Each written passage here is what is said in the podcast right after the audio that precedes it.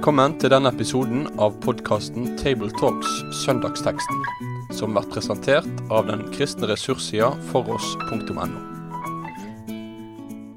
Hjertelig velkommen til en uh, ny episode av uh, podkasten Tabletalks, der vi samtaler om det som er søndagens preketekst.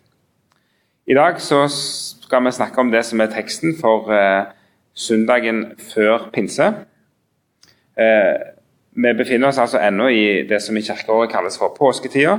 Eh, vi leser tekster som utfolder påskens budskap, og som samtidig eh, begynner å forberede oss så smått for pinsefesten og feiringen av at Ånden ble gitt. Eh, så denne søndagen for pinse er ofte i kirkeåret og i, i tekstrekkene en sånn søndag som bygger litt sånn bru mellom påsken og pinsen. Vanligvis så leser en jo evangelietekster. Det er det som er preiketekstene som er satt opp. Men eh, Den norske kirka pleier med jevne mellomrom å sette opp noen tekster fra Det gamle testamentet, altså leseteksten, og gjøre den om til preiketekst i stedet for. Og Denne søndagen er det gjort. Og i stedet for å snakke om eh, Johannes 3 og samtalen med Nikodemus, så skal vi rett og slett hoppe inn i en veldig interessant tekst fra Det gamle testamentet, fra Zakaria 14. Eh, og Vi som skal snakke i lag, er meg, Knut Kåre Kjerkholm, og så har jeg med meg Sverre Bø. Og så skal vi nå lese sammen teksten fra Zakaria eh, 14, og det er vers 6-9. Eh, og jeg leser fra Bibel 2011, og så skal vi nok òg se at det er noen forskjeller. Det er noen språklige ting som eh, er verdt å kommentere, som er litt forskjellig oversatt og i andre bibler. Men nå leser jeg fra Bibel 2011. Den dagen skal det ikke være lys, bare kulde og frost. Det skal være én lang dag. Herren kjenner den. Ikke dag og natt. Ved kveldstid skal det være lyst. Den dagen skal det renne levende vann ut fra Jerusalem, halvparten til havet i øst og halvparten til havet i vest. Slik skal det være både sommer og vinter. Da skal Herren være konge over hele jorden. Den dagen skal Herren være én, og hans navn ett. Sånn var den teksten. Og Her blir vi jo kasta inn Sverre, i ei bok og eh, en profet og, som eh, ikke bare er enkelt å, å lese og forstå. Nei, Profeten Zakaria står nest sist i Det gamle testamentet. Det svarer litt til at han eh, åpenbart levde mot slutten av den tiden Gamle testamentet dekker. Etter fangenskapet i Babylon, de 70 år, da var det noen som vendte tilbake igjen og fant Jerusalem fullstendig i ruiner. Og Så prøvde de å bygge opp igjen både et tempel og bolighus, og etter hvert, eh, noen par generasjoner senere kanskje, kommer Esra og Nehemia og får bygd opp igjen murene rundt. Zakaria var da en profet blant dem som forholdsvis tidlig kom tilbake til Jerusalem og eh, gjenoppbyggingen av tempelet, den hører vi en del om. Det var en annen profet som het Haggai. De to opererte nokså samtidig og med et litt felles budskap, selv om de var ulike personer. Og eh, Zakaria-boka har 14 forholdsvis korte kapitler. Likevel vil jeg kanskje si at ikke gjør som jeg har en tendens til, å lese fort langt i én jafs. For hos Zakaria så springer det ganske fort fra det ene til det andre. Og sluker vi alt i ett, så kan vi bli lettere forvirret. Det er påskens profet med mange Messias-profetier. Se, din konge kommer til deg, saktmodig rir på et esel. Det er her vi leser om 30 sølvpenger og pottemakerens åker. Det er her vi leser om at de skal se opp til han som de har gjennomstunget, og gråte. Det er også i denne profetboken vi f.eks. møter ypperstepresten Josva, som står skitten innenfor Guds ansikt i himmelen, og som får fraregnet all sin skitt og blir ikledd himmelsk rettferdighet. Så det er en stor og spennende bok, og eh, nå er vi helt mot slutten av den, da. Mm. Du, Knut Kåre, har lest mye av dette omhyggelig også på hebraisk. og fått smake litt på hvor krevende det kan være både å oversette og, og dele inn i avsnittene, sikkert. Ja, absolutt. Og, og det er jo en ting som en òg uh, står overfor her. Uh, som jeg nevnte innledningsvis, så er det jo litt forskjell på oversettelser. Særlig vers 6. Jeg kan bare nevne det bare for å ha med en sånn detalj. Eh, så står det, sånn som vi leste fra Bibel 2011, at den dagen skal det ikke være lys, bare kulde og frost. Og så står det i Bibel 88 på den dag skal lyset bli borte, de herlige himmellys skal bli formørket. Ganske stor forskjell der imellom de. Og, og, da er det jo for sånne språkinteresserte tekstinteresserte så er det jo gøy å gå inn og, kikke på det. Eh, og det er lett å forstå at det, det er ikke bare enkelt å være bibeloversetter. Det er vel det vi kan enkelt slå fast når vi ser dette her. Eh, og Da kan jeg gjerne bare kort si at den, den versjonen som står i Bibel 2011, det bygger nok mest på den greske oversettelsen av, fra hebraisk, mens 88 har i større grad prøvd å, å uh, ta hensyn til de hebraiske ordene som er brukt, selv om det er en, en sammensetning som ikke bare er enkel, og du må, du må gjette litt allikevel. Og så har de, har de, gjort et godt forsøk med at de herlige himmellys skal bli formørket.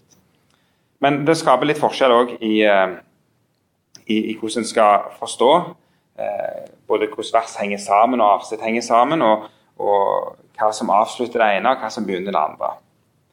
Men det er fristende, selv om det er satt opp vers 6 til 9, så er det jo fristende å tenke at det, det kommer noe litt nytt i vers 7. Eh, det er det absolutt. Eh, samtidig som det står det er også den dagen på den dag Det er noen ting som også binder de sammen. Eh, og du hadde jo gjort en, gjorde en telling, sa jeg, at, at uttrykket 'på den dag' det er relativt flittig brukt av Zakaria her i slutten. Ja, bare i de fire siste kapitlene fant jeg det 15 ganger. Og det er mange sånne fremtidsvisjoner i mm. disse kapitlene. Når han kommer og skal stå på Oljeberget med føttene sine. Eller når hele verden skal feire løvehyttefest. Mm. Eller i vår tekst når til og med kosmologien, altså jord og himmel og himmellegemene, skal på en måte fravike ordinær status. Det er et bilde her, Knut Kåre, som ofte brukes om de mange fjelltoppene borti horisonten. Mm, det stemmer. Det er sånn et uh, flott pedagogisk bilde som vi ofte har når vi snakker om disse her uh, profetiene i Det gamle testamentet som, uh, som tegner opp denne visjonen av, av frelsestida. Og det er jo noe vi finner På slutten av så å si alle profetbøkene så er det en, en sånn en avsluttende frelsesvisjon som profeten forkynner. og det som ofte er bildet vi bruker for å prøve å, å si, systematisere eller forstå eller helt gripe, er at vi snakker om vi, vi, tenker oss en fjelltur i den norske fjellheimen der du, der du ser bare toppene, og så ser du ikke dalene imellom. Eh, og Litt sånn er det her òg, at det, mange av disse frelsesprofetiene de, de er sånne fjelltopper. Eh, og så er det ofte daler imellom, og det er perspektiver som forsvinner for at vi ser bare toppene. Eh, og det gjør at eh, sånne frelsesvisjoner, sånn som med Zakaria 14 òg, så kan det være noen ord som passer veldig godt på det som skjedde på korset. Eh, her er det jo Herrens dag, som er uttrykket Zakaria bruker. Og Herrens dag er jo den dagen der Gud griper inn til dom over sine fiender og frelse for sitt folk. Og det er selvfølgelig det som skjer på langfredag, når Gud Eh, der holder dom over sin sønn eh, for vår skyld. Men det kan òg være en visjon av, eh, av, den endelige dommen og avslutningen. Og av og til kan det òg være, være, at denne frelsesvisjonen til og med har en oppfyllelse i rammen av Israels historie i Det gamle testamentet. Og Av og til så passer det på alle tre. Av og til på to av de, Og så holder vi på sånn og prøver å forstå dette her. Og Zakaria 14 føyer seg fint inn i rekka av, eh, av, sånne profetord, der du ser noen fjelltopper, og det går an å se linker og forbindelseslinjer til både til Jesus og hans virke og hans død oppstandelse, men òg til den endelige dommen og avslutningen. Og Fjelltopper passer veldig godt på den konkrete teksten vi har. Jerusalem, om det ikke er direkte en fjelltopp, så er det jo en veldig høy åsrygg. Ja. Og Den som har tråkka litt i fjellet, vet at kilder og oppkommer de kommer gjerne ikke helt på toppen av en eh, fjelltinde. De kommer gjerne litt ned i lia på en eller annen måte. Men denne teksten sier at plutselig så skal det sprute fram levende vann fra Jerusalem. Og Så konkretiseres det og sier at halvparten av vannet skal renne mot øst, ned til Dødehavet. Og halvparten av vannet skal renne mot vest, mot Middelhavet. Mm. Det er jo ikke sånn naturen vanligvis oppfører seg, at du på Galdhøpiggen ser en sånn sprut ut av levende vann. Men det skal nok Gud kunne gjøre. Og det levende vannet fra Israel, Jerusalem, det leder i hvert fall mine tanker til Jesu ord da han snakka om en samaritanske kvinne i Johannes 4. Og de snakka om å drikke vann og bli tørst igjen, og dype brønner og strevet med å finne det. Og så snakker Jesus om en annen kilde med levende vann. Og han sier selv at 'jeg er dette levende vannet', som da hører til nettopp i Israel, i Jerusalem. Men enda så er det jo en annen tekst òg, Knut Kåre, Mm. fra Esekiel, som handler om eh, en sånn vannsprut. Det stemmer. Esekiel 47, der får du jo eh, visjonen av, av eh, at det renner ut vann fra alteret. Altså, Esekiel får se et nytt tempel som, skal, som, som man får lov å måle og gå inn i og kikke på. Og så er det da en, en vannkilde som renner ut fra alteret i det tempelet. Og, og den renner ned i Dødehavet. Og da blir Dødehavet friskt, og det blir eh, det går an å fiske der nede, og det blir òg grønt og fint langs eh, hele den elva nedover. Og så er det jo òg sånn at eh, den samme elva finner vi jo fra lammets trone i åpenbaringen. Og dermed så er det bygd noen forbindelseslinjer som eh, sprenger nesten alle våre horisonter. Og vi, vi har det helt konkrete geografiske bildet. Vi har Jesus som det levende vann. Du har plutselig eh, lammets trone og vannet der. og ja. Så det tegnes noen voldsomme visjoner bare ved et så enkelt ord som levende vann som renner ut fra Jerusalem. Det er helt fantastisk. Og har man tid til å lese slutten av Johannes åpenbaring 21, begynnelsen av 22, så vrimler det med sånne, om ikke sitater, så i hvert fall ekko fra både vår tekst her og ifra Esekiel 47 om denne elven som skal klare å gjøre ørkenlandet og Dødehavet levende med levende vann.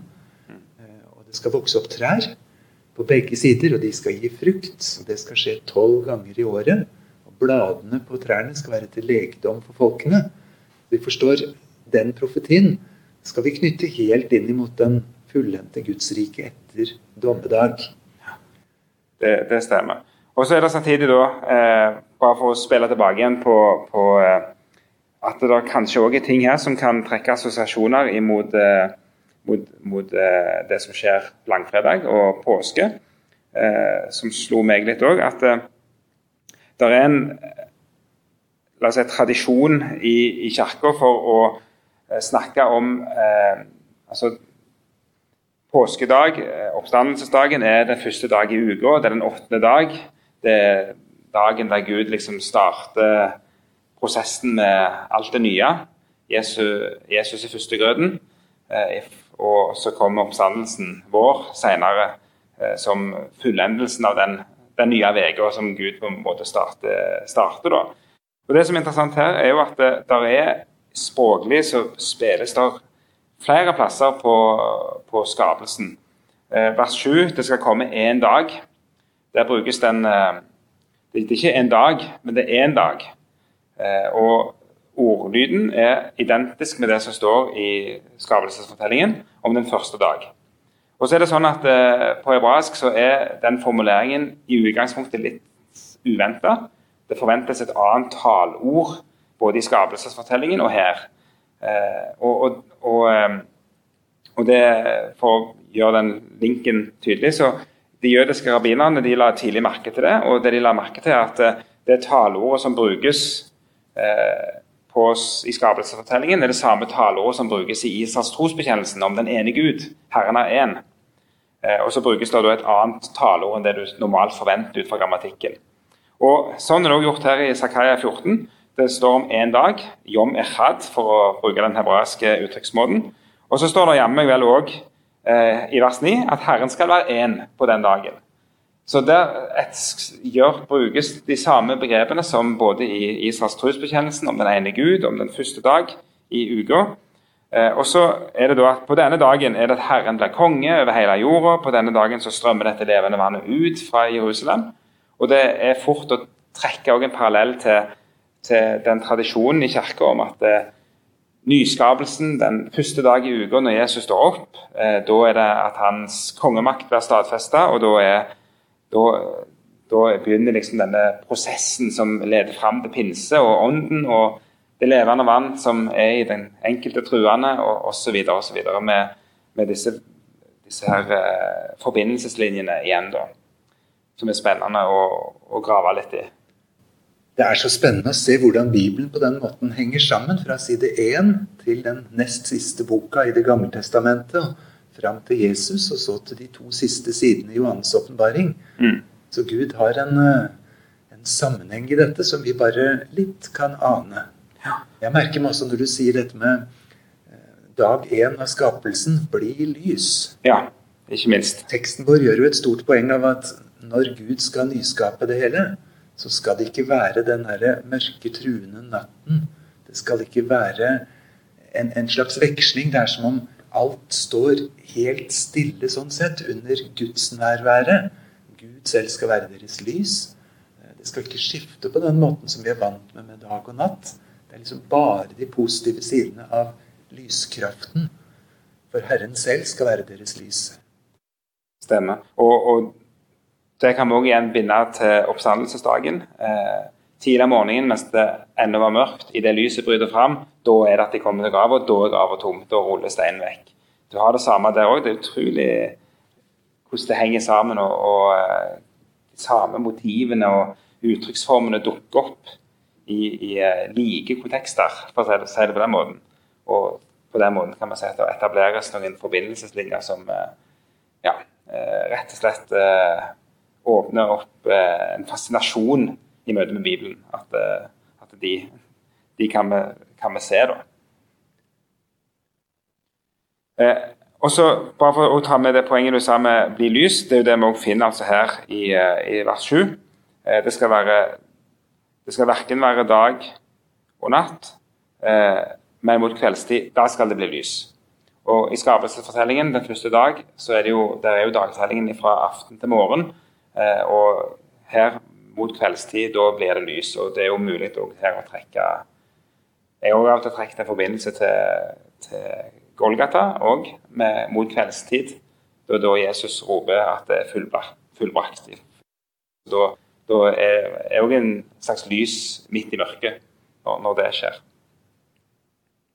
Og da strømmer jo òg blod og vann ut fra hans side, og da har vi jo en annen link til, til det levende vannet. og som, som gjerne Zakaria òg kan iallfall antyde en, en, mulig tråd. Men det blir ofte antydninger i møte med sånn her litt eh, billedlig språk og litt sånn kryptiske formuleringer.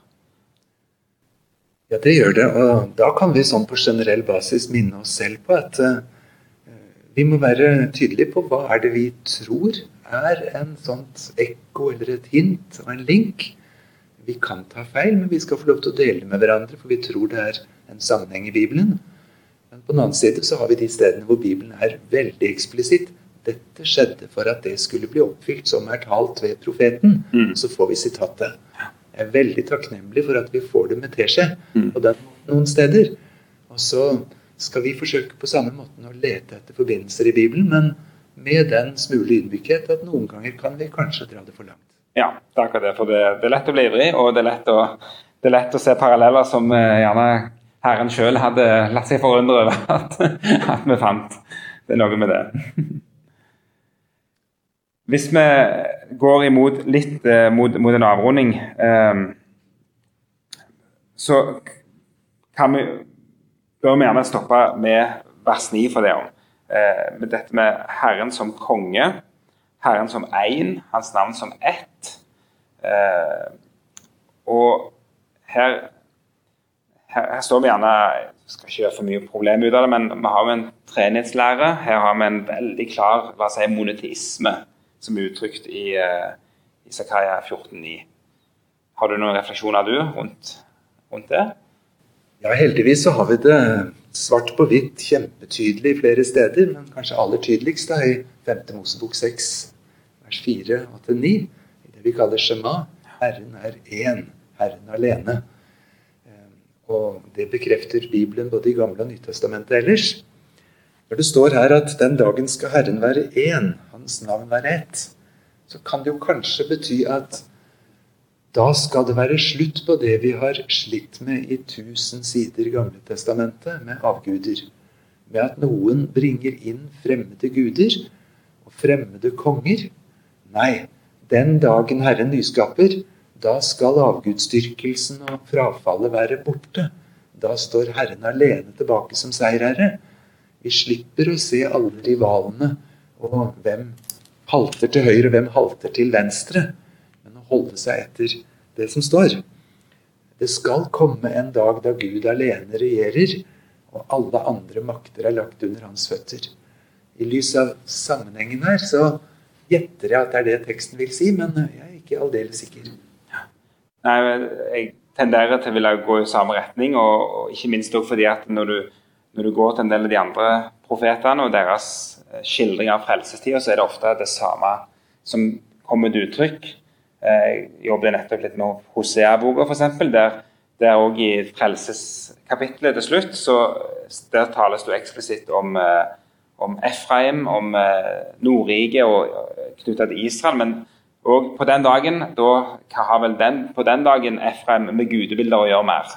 Det er det samme tanken at det, når Gud har fått grepet inn og fått gjort sine storverk, så er da, da er han én. Da, da, er det vekke, dette her. Eh, og Derfor så gir det synes jeg også god mening å tenke seg at det her, dette handler ikke om en, om en uh, undergraving av, av treningslær treenighetslære eller konflikter der. Dette handler om, om det faktum at det, den, dette er den dagen der Herren står fram som den suverene og som den eneste sanne Gud. Uh, og at alt andre det vil være overflødig, og selv folkeslagene vil innse det og erkjenne det. Og, og, og, dette med Herrens ene navn og Herrens store navn, det, det, det er jo et ekko der i Filippabrevet 2 med, med navn over alle som alle folkeslag skal bøye seg for å, tilbe. Hvis vi skal gå med en avrunding eh, Dette er en tekst som eh, jeg tror mange predikanter skal få streve med. Eh, og det er jo eh, det å jobbe med Det gamle testamentet og jobbe med en sånn tekst, det kan by på mye, mye hodebry, men, men, det er vel verdt jobben. Eh, og Hvis du Sara, skulle, eh, skulle prekt over den teksten, har du noen tanker om hva du ville vektlagt? Ja, jeg tror jeg ville fortalt som vi har prøvd, litt om hvem denne profeten er, og hva slags profetbok det er. Og så ville jeg bruke det bildet som du trakk fram, om disse mange fjelltoppene i horisonten, som går litt i ett når du står på lang avstand. Herren har en plan, og hvordan fullendelsen av det hele skal bli, det ligger i Hans ånd. Så ville jeg nok også føyd til noe med at når Herren alene skal stå tilbake som konge, så utfordrer det meg som lever nå. Er dette min konge i dag? Og Det hører vi om litt tidligere i Zakaria. Mm. Se, din konge kommer til deg. Saktmodig er han og rir på et esel. Det er litt forskjell på at en konge reiser forbi, og så at han kommer. Vi fikk finne ut det der jeg bor i Enebakk. For da den nye skolen var ferdig, så kom faktisk kong Harald på besøk til Enebakk. Og det er første gang på fryktelig lenge at kongen har vært hos oss. Han kjørte nede på fylkesveien og stanset på skolen. Det var jo gripende. Men jeg må jo tilstå det hadde vært noe ganske annet hvis han faktisk hadde kommet til Ekornveien 18 til Heidi og meg. Og det tror jeg at kongenes konge og herrenes herre, han kommer helt hjem. Det er din konge som kommer til deg. Og med det vil jeg gjerne få utfordre alle som lytter. Kan du kalle han for din konge? Inviterer du ham hjem? Gjør du det, så skal vi være trygge om endetid og trengsel og dom og hva som skal komme. Er han min konge, så har vi gått over fra døden til livet. Vi skal ikke komme for dommen. Mm. Det er en fin, eh, fin sluttappell å ha med seg. Med de ordene så runder vi av, og vi vil ønske Guds velsignelse og lykke til til de som skal jobbe med teksten og forkynne over den og legge den fram, og til de av dere som skal lytte til forkynnelse fra, fra den teksten. Med det sier vi takk for følget for denne gang. Finn flere ressurser, og vær gjerne med å støtte oss på foross.no.